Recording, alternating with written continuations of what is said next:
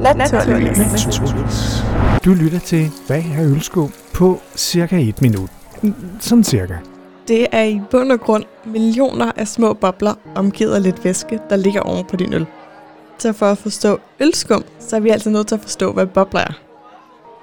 Bobler, det er gas, der er suspenderet i væske, men som ikke er opløst i det. På engelsk så kaldes det for en colloidal mixture, som betyder, at det er to ting, der ikke rigtig vil mixe sig, men som alligevel ser ud, som om de gør det et stykke tid.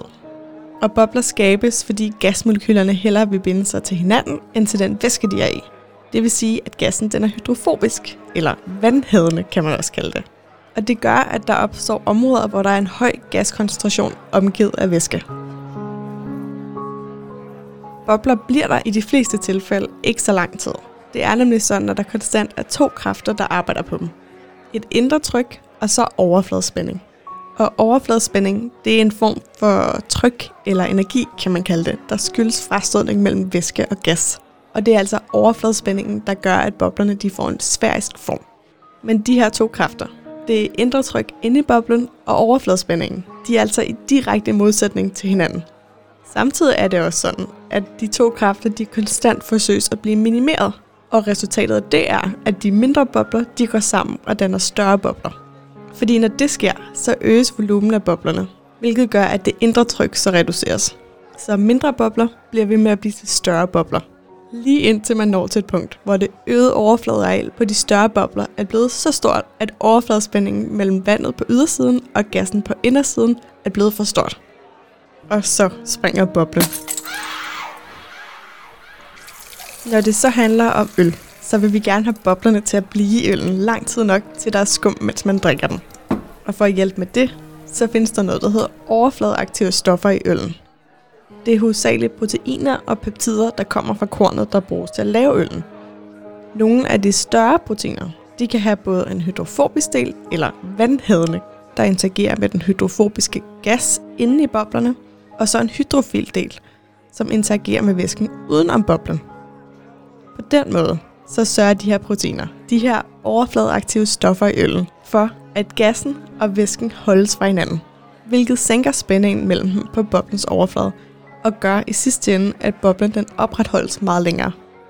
Udover det, så betyder det også, at der skabes et hydrofil ydre på boblerne i skummet, som kan interagere med hinanden og binde vand mellem boblerne, hvilket også bidrager til, at boblerne, altså dermed skummet, bibeholdes.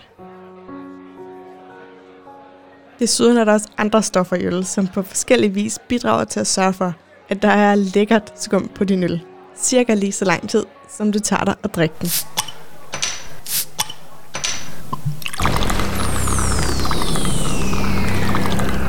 Du har lyttet til Hvad er ølskum på cirka et minut.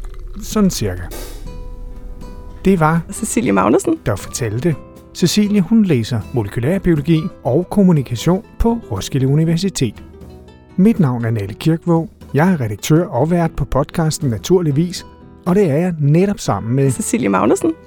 Desuden kan du om et par uger efter den her på cirka et minut podcast er ude, høre om, hvorfor afspændingsmiddel let kan dræbe det dejlige og velduftende skum på toppen af øllen. Og det der afspændingsmiddel, det er faktisk også grunden til, at ordentlige ølsteder altid skyller glasset, inden der hældes øl i det, for at få eventuelle rester af afspændingsmiddel helt væk fra glassets inderside. Vi har faktisk også en hel del andre podcast i på cirka et minut serien. Det er blandt andet, hvad er matematik, hvad er astronomi, hvad er solen, hvad er en pandemi, og hvad er formålet med naturvidenskab. Bare for at nævne nogle få af dem, for dem har vi faktisk produceret temmelig mange af efterhånden. På cirka et minut serien er produceret af Polychrom Media, en socialøkonomisk medievirksomhed. Og det er serien i samarbejde med Ro Radio, Roskilde Universitets helt egen studenterradio. For øvrigt kan du høre alle de andre podcasts i på cirka et minut serien, plus alle de lange, vi har lavet i Naturligvis serien, lige netop der, hvor du også lytter til denne podcast.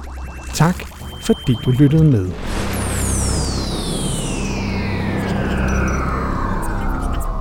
Naturligvis. Og det er jo noget af det, vi vil undersøge. Ja, lige netop.